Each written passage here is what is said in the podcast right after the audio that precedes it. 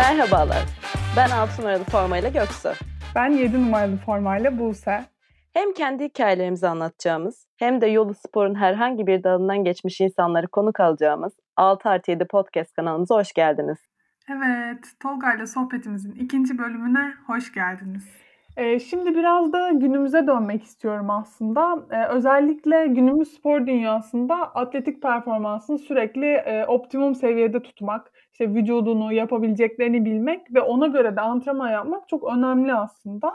E, peki sence günümüzde antrenörler ne kadar bu çağa ayak uydurabiliyor? E, her antrenörün farklı bir tarzı ve yaklaşımı oluyor ama senin doğru bulduğun yaklaşımlar var mı? Varsa neler onu merak ediyorum. Yani şöyle, e, tabii yani bizi bu bizim yaptığımız zamanlardan önce bu işe başlayan özellikle atletizm kökenli antrenörler vardı. Hı hı. Daha sonralarında işte basketbolun içinden gelen abilerimiz de e, bu işe dahil olmaya başladı ki doğrusu doydu zaten. Yani bu her branşın kendi içerisinden gelen e, kişiler daha avantajlı burada Evet. benim görüşüm. Hı hı. Yani şöyle tabii e, eskilerin biraz daha hani o yeni şey hayatına adapte olamama durumları olabiliyor. Tabii hepsi böyle değil. O zaman da çok güncel kalamıyorsunuz. Hı hı. O yüzden ama birçoğu bence artık şey yapıyor. Yani çağa ayak uyduruyor. Burada dediğim gibi burada önemli olan durum sporcuyla ya da takımın baş antrenörüyle olan iletişim. Onu inandırabilmek önemli. Evet. Yapacağın ve yapman gerekenlere.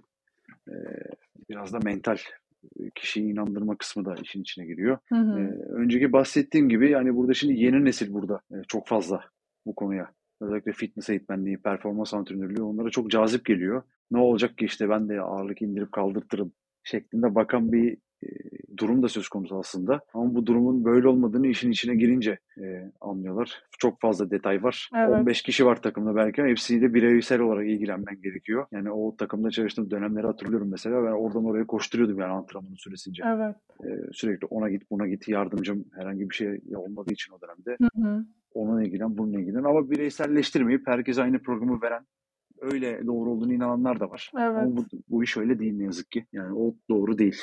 Ama birçoğu çağa ayak uyduruyor. Hatta yeni nesil çağın ötesine geçmeye çalışıyor. Hı hı. Ee, öyle bir durum da var. Ama dediğim gibi hani bu iş o kadar kolay bir iş ya da böyle hadi bunu yapayım çok havalı bir iş demek de olmuyor.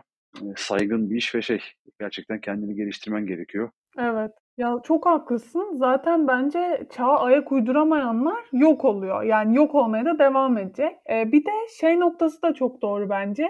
Ee, bilgiye aç olmak. Yani talepkar olmak. Kesinlikle. O noktada kesinlikle. e, eğer işte o antrenmanlara gitmesen veya işte dinlenme zamanlarında açıp bir makale veya işte şu an neler oluyor takip etmesen e, bu aslında kendini geliştirmeyeceğin anlamına geliyor. İşte bu bilgiye aç olma halinin sürekli hayat boyu devam etmesi gereken aslında bir süreç. E, o yüzden gelişimin de anahtar, anahtarlarından biri öğrenmeye aç olma hali bence de.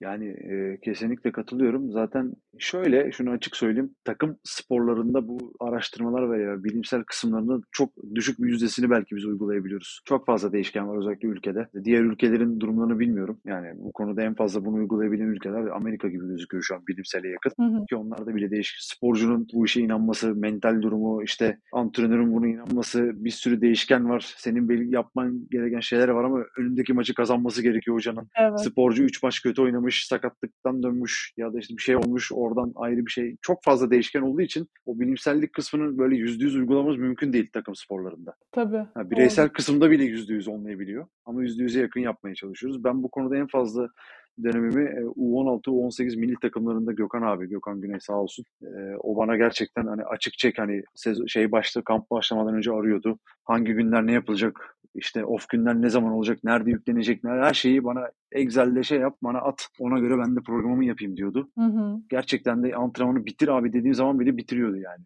Gerçekten. Ben en fazla zevk aldığım, Hı hı. en yüzde yüze yakın hissettiğim bir takım içerisinde orada görmüştüm kendimi. Yani iki ay yaz dönemi boyunca tatil yapmıyorsunuz. Deli danalar gibi sürekli antrenman yapılıyor. Ama çok zevkli geliyordu. Ekip çok iyiydi. Hı hı. Doktorundan fizyoterapistine, yardımcı antrenörlerine kadar bir ekip olundu. Zaten madalya alarak da iki sene üst üste bunun karşılığını vermiş olduk. Evet. Yani dediğin gibi bu konuda aç olmak da önemli. Ama işte orta yolu bulmak da Kaba tabirle nabza göre şerbet de takım sporlarında özellikle vermek de onu da yapabilmek önemli. Dediğim gibi bu biraz tecrübe kısımlarını daha bizden büyük tecrübeli kişilerin yanında zaman geçirmek de araştırmaların dışında bence gerekiyor. Yani Evet. nasıl davranacak, nasıl yaptıracak. Belki orada iki kelime yapacağı iki kelime bile çok şey değiştiriyor. Hı hı. Söyleyeceği ya da o gün kendi antrenman yapması gerekiyor ama belki geri plana bile çekilebiliyor bazen Hı hı. gibi değişkenler var. Evet. Tecrübelenmek de bu konuda. O konuda da aç olmak gerekiyor yani tecrübelenmek konusunda. Kesinlikle evet. Yani oradaki o aslında tutumu görmek bile başka bir kapı Kesinlikle. açıyor Ya oyuncu nasıl davranıyor, ne diyor ki inandırıyor. Evet. Hı hı. Yani oyuncu bilimselmiş değilmiş o kısımları birçoğu takmıyor açıkçası yani. Hani ben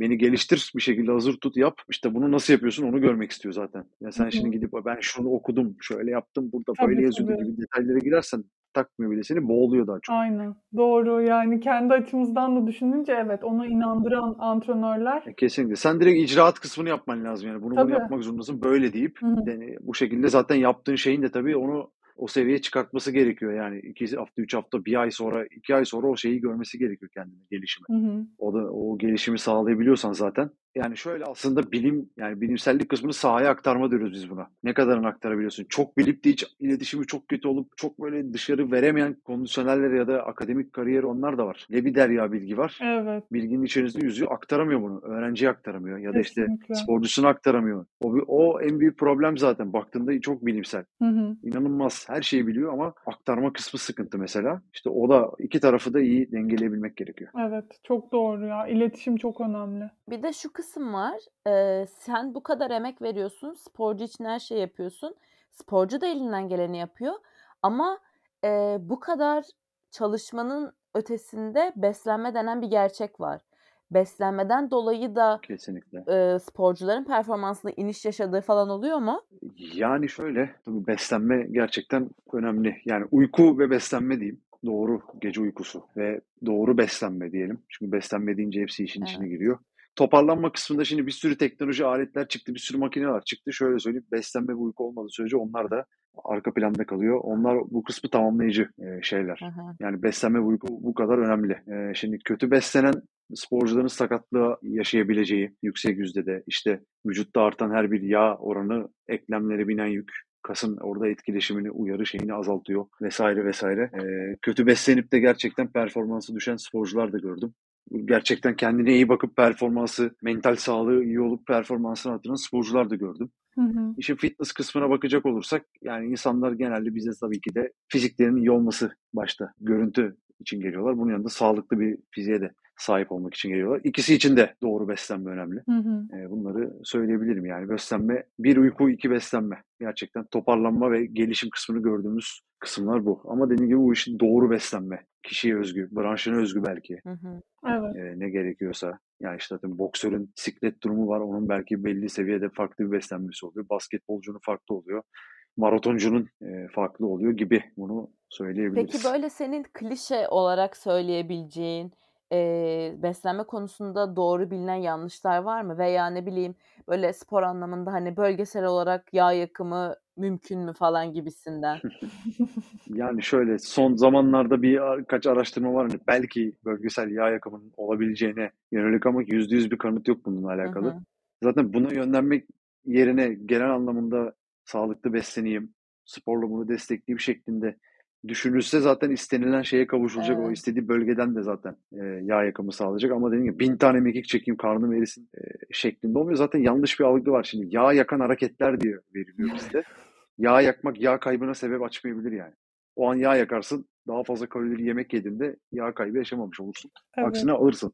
Yani o ayrımı da bilmek gerekiyor. Ee, işte dediğim gibi bin tane mekik çekiyor ya da işte basenleri için 100 tane bantla yana aşış yapıyor kalça. Yağların eriyeceğini, oranın böyle sıkılaşacağını düşünüyor. Sıkılışıyor ama orada bir yağ tabakası duruyor baktığınızda. Hı hı. Evet yani o bölgeden de enerji harcayabilir o hareketi yaparken. illaki harcayacaktır ama bu yağ kaybı ya da bölgesel olarak yapabileceği anlamına gelmiyor. İşte çok şey var. Şimdi mesela bir karbonhidrat düşmanlığı var genelde. Şekeri kıstım. Evet. Bunun böyle ani kesmenin aslında sağlığa zararlı olduğu. Çünkü beyin fonksiyonlarını zaten karbon şekerle e, sağlıyorsunuz baktığınızda. Bu tarz hemen böyle şeker suçlu, şeker zehir. E, yani bir şeyi zaten haddinden fazla alırsanız, kullanırsanız o zehir yani. Suyu bile çok fazla içerseniz o bile zehir olabiliyor. Hı hı. Sürekli rafineri gıda yerseniz, sürekli paketli gıdalar, çikolatalar, şeyler yerseniz şeker tabii ki de zararlı yani. Bu zaten bilinen bir şey. Gece 11'de 12'de bir şey yerseniz bu sağlığınıza zararlı olabilir. Gerçi onunla ilgili bile bir çalışma var. Günlük almanız gereken kalori alırsanız hangi saatte yediğinizi fark etmediğiyle ilgili çalışmalar da var. Bu biraz daha tabii benim konumun dışı. Evet Beslenme ya. uzmanlarının konusunun dışı ama sağlık açısından baktığınızda çok sağlıklı olmuyor. Belirli hormonları etkileyebildiği ya da işte iştahı Hı hı. fazlaca arttırdı. Bunun her geceye döndüğü, normal kalorinin dışına çıkmasına sebep olduğu Hı hı. gece geç yenen yemeklerin olduğu Ya bence bir söyleniyor. de uykuyu zorlaştırıyor. Yani eğer ki yiyip Kesinlikle çünkü uyuyunca metabolizma olarak Evet, durmuyor metabolizma. ya şöyle hazmetmeye çalışıyor. Onun o anda çalışmaması gerekiyor baktığınızda uyurken. Ama orada mide bunu hazmetmesi gerektiği için oraya bir kan pompalanıyor gibi gibi. Bu tarz yani belli klişeler işte son zamanda en çok gördüğüm işte belli bir diyetin ölümüne tavsiye edilmesi. Yani bu kişiden kişiye değişir. Yani zaten sürdürülebilirlik oranına göre, kişinin sağlık durumuna göre, hedefine göre bu diyetler de farklıdır. Ama Ya. durum yağ yakımıysa kısaca şunu söyleyeyim, uzatmayayım. Hangi diyeti yaparsınız yapın. Kalori al-ver dengesi olmadığı sürece istediğiniz diyeti yapın. Yağ yakamazsınız. Evet. Kaybedemezsiniz diyeyim. Basit bir matematik aslında orada yapmanız Aynen yani gereken. sen Evet, 2000 evet. kalori yakıyorsan o gün 3000 kalori üstüne oluyorsan yağ kaybı yaşayamazsın açık vermeden. Evet. Bu Evet. yasa gibi bir şey yani baktığınızda. Ya kesinlikle. Yani şey bence bu tamamen böyle pazarlama malzemesi şeklinde Evet sunuluyor. var yani var muhakkak. Ya ya da bir tane ünlü bir şey yapıyor kilo veriyor bir, bir şey bir şey diyeti yapmış diyor haldır uldur herkes aa hadi bakalım biz de bunu yiyelim. Evet. Yani böyle bir tropikal meyve şeyi var mesela son zamanda. Ülkede kimse buna alışık değil. Birçok insanların buna alerjisi var mesela baktığınızda. Yani evet. Avokado, Evet. ananas falan mesela. Güzel evet sağlıklı yiyecekler ama bunlar mesela bizim ülkemizde çok şu an son zamanlarda yetişiyor ama yıllardır olmayan meyvelerdi mesela Hı hı. baktığınızda. Şimdi avokadosuz kahvaltı yok. E yani mesela inanılmaz. Gerçekten ya. Yani sporda da olduğu gibi işte beslenme de çok kişisel yani.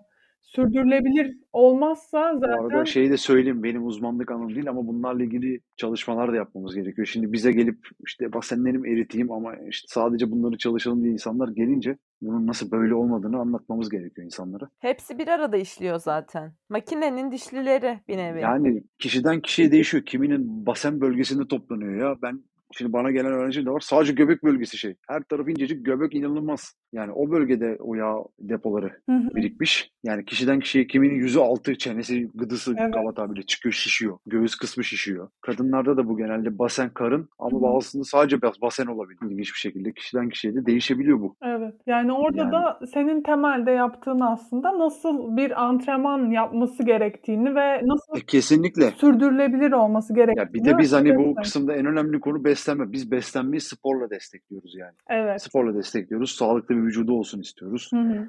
İşte kilo verdikçe, yağ kaybı yaşadıkça daha istediği fiziğe kavuşması için Hı hı. ona destek oluyoruz. Bir son olarak bu konuyla ilgili bir şöyle bir terim var aslında. Yanlış bir terim. Sıkılaşmak diye bir tabir var. Bize öyle geliyorlar. Kaslanmayayım, sıkılaşayım diye. Evet. Ee, o da var. Ee, şöyle bir şey. Sıkılaşma dediğiniz şey kaslanmak aslında. Yani yağ oranınızın azalıp kas kütlenizin artmasıyla siz sıkılık tabiri oluşuyor. Böyle bir Evet. tabir yok. Bu yine fitness endüstrisinin reklam amaçlı çıkardığı bir tabir. Hı hı. Baktığınızda kaslanmayayım, sıkılaşayım diyor. Aslında kaslanmış oluyorsunuz yani. Kas kay e, kas kütleniz artmış oluyor. Bu da yanlış bir tabir. Onu da Hı söylemiş hı. olayım.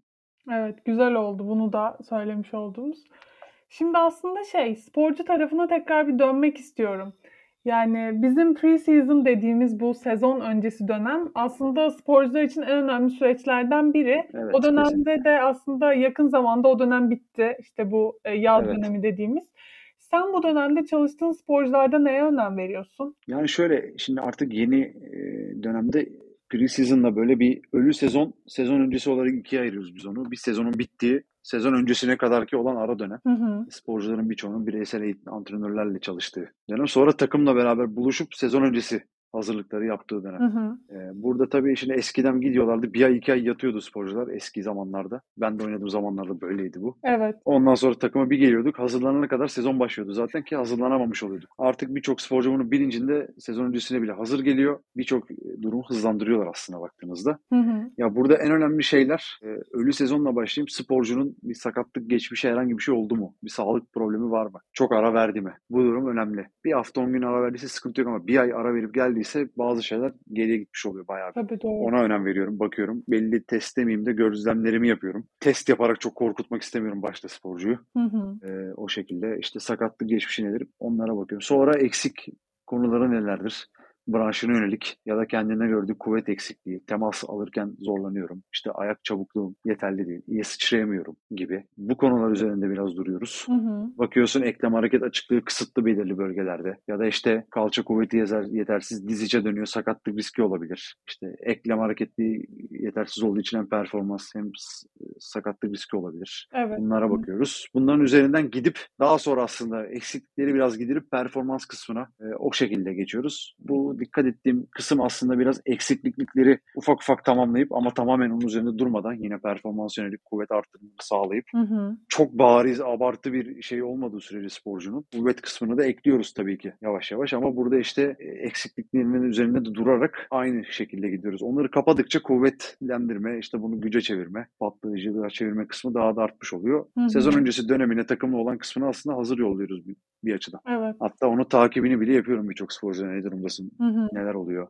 Birçok kondisyoner benden test sonuçlarını istiyor, onlara yolluyorum ne durumda geliyor Süper. ne yapıyor gibi. Oraya biraz daha hazır gidiyor. Direkt oradaki kondisyoner Hı hı. genelde takımlarda artık direkt kuvvet antrenmanlarıyla başlayıp onu da artık kendi tabii periyotlamayı nasıl yapıyorsa oradaki kondisyoner sezona nasıl gireceğini ona göre belirlemiş oluyor. Hı. Evet. Yani bilinç seviyesi daha da arttı diyebiliriz. Arttı. Yani birçok sporcu en kötü antrenör tutmayan bile kendi çalışıyor artık bir şekilde. Atıyorum voleybolcuysa voleybol özgü antrenmanlar yapıyor, kuvvetini yapıyor. Evet. Ama %90 artık bir performans antrenörüyle hatta Hı hı. bunun yanında branşına özgü bireysel antrenörle Evet. Voleybolsa voleybol, basketbolsa basketbol, futbolsa ya da herhangi bir başka branş tenis. Tenis zaten bireysel bir spor da. Hı hı. O şekilde bu bilinç bilince ulaşılmış vaziyette artık. Hı hı. Peki böyle kadınlar genelde ağırlık antrenmanı yapmak istemiyorlar. İşte kas kütlesi artacak, daha böyle iri görünecek, edecek diye. Ee, Yani şöyle bu e, ağırlık antrenmanlarına sen nasıl bir yorum katarsın? Yani böyle bir şey gerçekten var mı?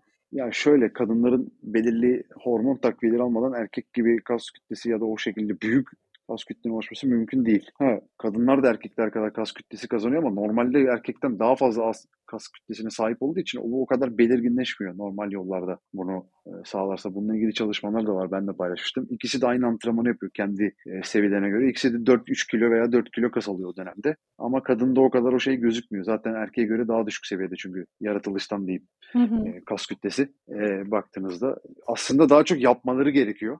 Çünkü kemik erimesi riski kadınlarda çok fazla olduğu için ileriki yaşlarda. Bu genetik olarak yatkınlık da varsa daha erken yaşlarda da çekilebiliyor. Kemik yoğunluğunu arttırmak için ağırlıkla çalışmaları gerekiyor. Bu tabii ki de kendi seviyesine uygun şekilde ağırlıklarla çalışması gerekiyor. Kademe kademe belirli seviyelere gelmesi gerekiyor. Vücut ağırlığı da bir ağırlıktır. Direnç bantı da bir ağırlık direnç sağlıyor. Evet. Bu 2 kilo dumbbell da olabilir. 10 kilo kettlebell de olabilir. Hı hı. Kendi seviyesine uygun. Ya da işte vücut ağırlığıyla statik duruş da olabilir. Yani bu seviyesine göre. Hı hı. Ya bu sakatlanmaktan da korkuluyor. Bu erkek için kadın için fark etmiyor. Yani erkeğe özgü antrenman, kadın özgü antrenman diye bir şey yok. Hı hı. Tek bir parametre, tek bir yani şey var. Doğru yapılmayan, doğru teknikte kişiye uygun yapılmayan her hareket sakatlayabilir. Yürüyüş bile sakatlayabilir sizi yani. Evet doğru. Ya bence burada kas kütlesinden değil kesinlikle yağ kütlesinden korkmalıyız. Kesinlikle zaten en büyük problem o hani son zamanlarda bununla ilgili videolar da var yani insanlar yağ oranı arttığında değil kassızlıktan zaten sıkıntı. Evet Kas yani. kütleleri azalıyor. Yağ oranı artıyor demememiz gerekiyor. Kas kütlesi azalıyor olarak bakmamız Evet. gerekiyor. Kesinlikle o yani. Eklemleri binen yük, Hı hı. bel ağrıları, bo- boyun ağrıları, diz hep bu yüzden oluyor. Ee, son zamanlarda da fitness yapan kadınların sayısı arttı bence ağırlıklarla çalışan. Bunda da sosyal medyanın etkisi var aslında baktığınızda. İyi bir etki. Sosyal medyanın iyi etkisi Aynen diyebiliriz. güzel faydalarından. Aynen güzel faydalarından. Yani o bilince kavuşuluyor. Çoğu kadının da hoşuna gidiyor. Yani bana da 5 sene önce daha çok fit pilates yaptırıyor musunuz diye soranlar oluyordu. Onu da isteyebilir tabii bu arada ayrı bir şey. Tabii. Hı hı. Ama şimdi fitness için gelenler daha çok olmaya başladı. Ya bu biraz da kişinin bunu sürdürülebilirliği alakalı. Hep onu söylüyorum. Pilates'te bunu sürdürebileceksen uzun seneler o şekilde devam et. Bu seni zevk, zevk olarak bundan daha fazla zevk alıyorsan, daha çok yapmak istiyorsan. Fitness bunu sağlayacak. Fitness yap. Öbür türlü dışarı çıkıp koşmak mı sana bunu Hı hı. sağlıyor? Dışarı çıkıp koş. Yani bu sürdürülebilirlik önemli. Pilates'e başladım. 3 ay sonra sıkıldım. Ömrüne gittim. Ondan da sıkıldım. Bu biz devamlılık sağlamaz. Bu da istemediğimiz bir şey. Evet. Evet. Devamlılık hangisinde size mental olarak da özellikle ve fayda gördüğüne inandığınız şey hangisi olacaksa Hı hı. o egzersiz yöntemine insanlar başvurabilir yani. Evet, yani oradaki temel amaç hareket etmek. Yani size uygun Kesinlikle. hareketi bulmak. Kas kütlesini arttırmak, sağlıklı bir omurgaya vücuda sahip olmak, doğru nefes almayı vermeyi öğrenmek. Evet. Ya şöyle söyleyeyim, kadınlar şimdi ondan korkuyor. Baktığınızda 5 kilo 10 kilo bazen torba taşıyorsunuz, alışverişten dönüyorsunuz. Çocuğunu 5 yaşında 10 yaşında çocuğunu kucağına alıp taşıyor kadınlar mesela. Evet. Kaç kilo çocuk? 30 kilo çocuğu kucağına alıyor. Ağırlık değil mi? 15 dakika yürüyor öyle çocuklar. Tabii. E ağırlık bu. Bu da ağırlık. 15 dakika boyunca ağırlık biniyor size. Belli bir noktadan bir de yani. Yani yani şimdi bundan korkmayıp kaldıracağı 5 kilo dumbbell'dan korkmaması gerekiyor bence. Ya zaten biraz Evet. önce dediğin gibi de e, aynı zamanda bu yağ kütlesi bize bazı istenmeyen durumlar da yaratabiliyor. Bu da ilk başlarından yani ilk maddelerinden biri de aslında sakatlıklar. Sakatlıkları beraberinde getirebiliyor. Kesinlikle. Sence peki e, yağ kütlesinin ve aslında bu kilo alıp verme dengesinin yanında karşılaştığın sakatlıklarda bunların asıl sebebi neler oluyor? İşte vücudun yorgun olması, yanlış antrenman düzenleri gibi birçok sebep sayabiliyoruz ama sen nasıl yorumlarsın bu sakatlık konusunu? Ya özellikle vücut kitle indeksi ya da işte yağ oranı yüksek oluşundan dolayı da olabiliyor bu. Hı hı. Ama en büyük e, şey kuvvet düzeyinin belirli seviyede olmaması e, ya da işte kasların o esnekliğe, o seviyeye, eklem hareket açıklığı yetmiyor, kas sakatlıkları olabiliyor. Evet. Belirli düşüş, koşma mekaniklerini bilmediği için yanlış düşmeden dolayı diz ya da bilekte sakatlıklar olabiliyor. Yorgunluk bunda önemli faktör. Üst seviyede artık her branşta maç tempoları, maç takvimi inanılmaz seviyeye gelmiş vaziyette. Yani artık işin sadece piyasa gibi düşünülüyor. Para kısmı düşünülüyor. Sürekli haftada 3-4 maç yapılıyor. Bu da bir ciddi bir yorgunluk. Evet. Bunun toparlanması. Yani sezon içi üst seviye çalışan takımlarda, kondisyonerlerde sadece toparlanma olarak hani geçebilmek Hı hı. kıvamında antrenmanları. Ya da fizyoterapist ya da masör masaj yapıyor. Yani antrenman Mesela- bile doğru düzgün belki o süre alan oyuncular, uzun süre süre alan oyuncular Evet. şey yapmıyorlar ama burada önemli olan konu sezon başladığından itibaren sonuna kadar arada tabii ki değişkenlikler olacaktır. Bir yük takibi yapabilmek. Bireysel, hem takım bazında hem bireysel sporcu bazında yaptırılan antrenmanların basketbol örneği verecek olursam branşını basketbol ve fitness, dayanıklılık antrenmanları, maç e, yoğunluğuyla beraber bir yük takibi yapabiliyorsanız en azından belirli sakatlıkların önüne geçebiliyorsunuz. En azından maç kağıdını eline aldığınızda bu sporcu bu kadar oynamış. Hı hı. İşte bu maçın zorluk derecesi 10 üzerinden 8'di. Oradan bir şey çıkarıp koçla konuşup yarınki antrenmanda çünkü iki gün sonra bir daha maç var. Bu sadece toparlanma antrenmanı yapsın geçsin şeklinde düşünmek gerekiyor. Ya da o hafta içinde yapacağınız antrenmanları antrenörle de konuşup çok tempolu yapmamanız gerekiyor. Bu da yük takibiyle sağlanabiliyor. Bunu es geçiyorsanız Hı hı. hele ki üst seviyelerde bu başınıza bela olur. Evet.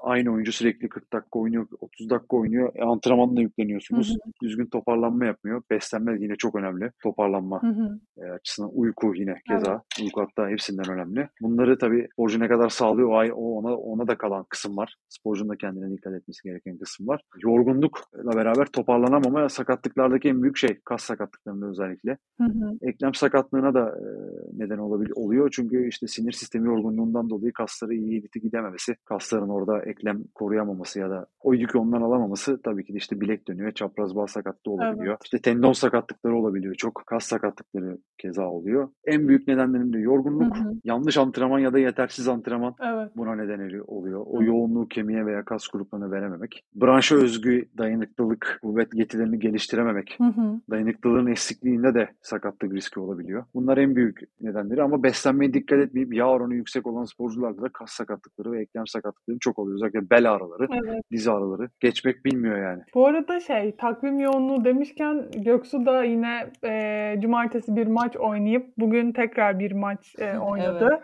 Hafta sonu tekrar bir maç oynayacak ve bu e, bugünkü maçını kazandı. Buradan alkışlar da Göksu'ya gitti. Tebrikler. Tebrik ederiz. Teşekkür Çok da zorlu bir maçtı. Tam olarak bizim dönemden bahsetti. Haftada iki ise yine iyi. Yani şimdi basketbolun üst seviyesine baktığında haftada dörtlere falan çıkıyor bazen maç. Ee, İnanılmaz. Yani bir hafta içinde yedi güne denk gelen kısımda dört günlere falan çıkabiliyor. Yani seyahat var bir de bunun içinde deplasmana gidiliyor. Bazı Evet. seyahatler Avrupa özelinde Amerika'da ya da ulusal basketbol gibi NBA'de oynayanlar bir yerden bir yere 8 saatte uçuyor falan hani. Evet. Ha, onların tek avantajı kendi özel uçağı. inanılmaz teknolojik imkanlara sahipler. O ayrı bir avantaj ki onlarda bir de sezon kapamalı sakatlıklar görülebiliyor. Bir de Avrupa kısmında da seyahat zor olabiliyor. Oradan oraya gidiyor, oradan oraya gidiyor, iniyor otobüse biniyor. Daha ona alışamadan maç temposuna giriyor falan. Gerçekten zor bir takvim. Milli takım maçlarını araya Evet, sıkıştırıyorlar. doğru, evet. o Şimdi giriyor araya. mesela senin bahsettiğin olay şöyle. Biz de 8 günde 3 maç oynuyoruz ve ilk maçımız işte deplasmandaydı. Evet, o da evet. Deplasmandan döndük geldik. Ona göre bir program. Mesela bugün maçımız e, 3-2 bitti. Yarın normalde fitness top antrenmanımız var. Uzadı yani bayağı. Evet. O yüzden mesela işte dediğine geliyor yine. 3-2'lik maç takımın çoğunluğu oynadı. O yüzden fitness antrenmanını bir tık daha böyle korumaya yönelik yapıp o şekilde devam ediyoruz. Normal programı dışına çıkıyoruz bir anda. Çünkü tabii ki her şey planlandığı gibi gitmiyor. Kimse de bilemez maçın nasıl biteceğini, nasıl edeceğini. Amerika'da şöyle bir durum var şu an. O kadar üst seviyede sporcular, NBA oyuncuları milyon dolarlar kazanıyorlar.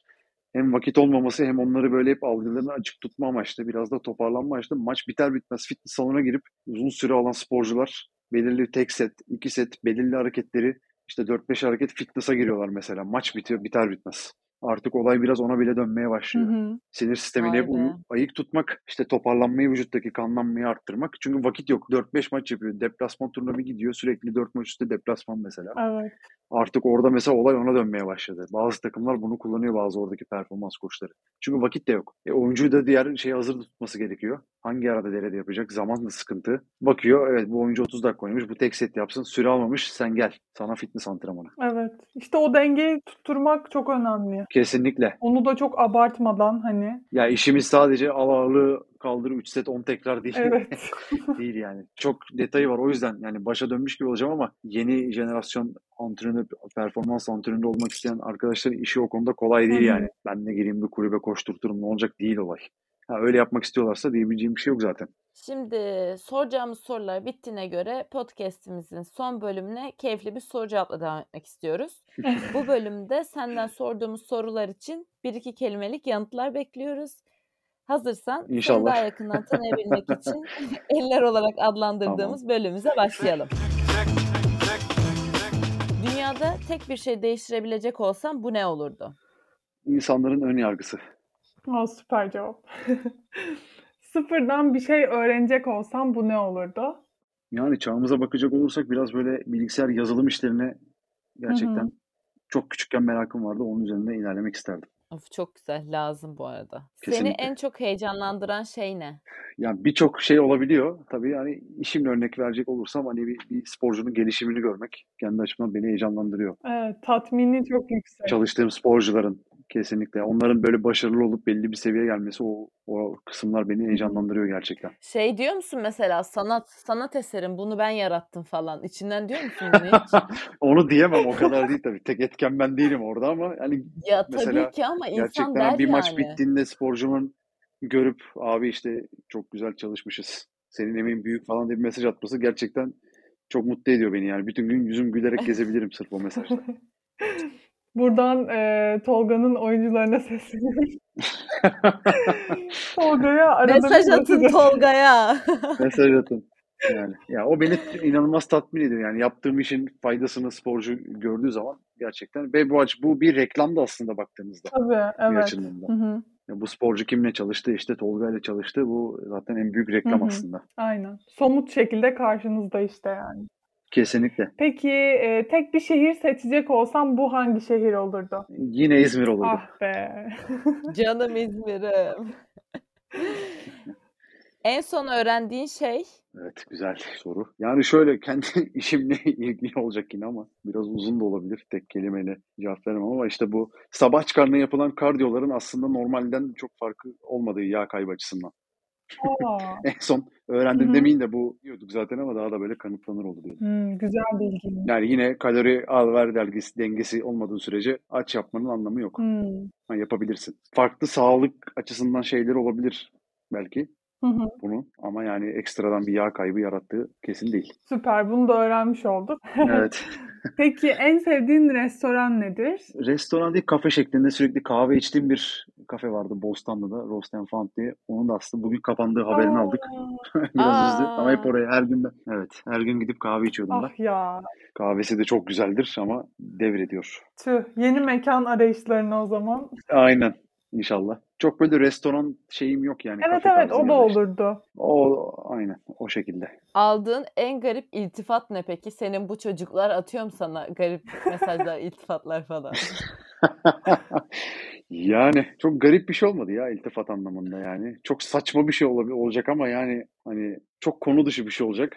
Hani onu söylemedim ya ben. Boş ver. Söyle. Onu Söyle. Konuyla alakası olmayan bir şey yani. Olsun. Hani böyle senin kafa yapın ne güzelmiş, senin kelin çok güzelmiş diye bir iltifat, aldı, iltifat aldım yani saçma sapan böyle bir şey oldu böyle. Anlamlandıramadım da bir 15 dakika Ya yani. bu arada bu çok önemli bir Böyle şey.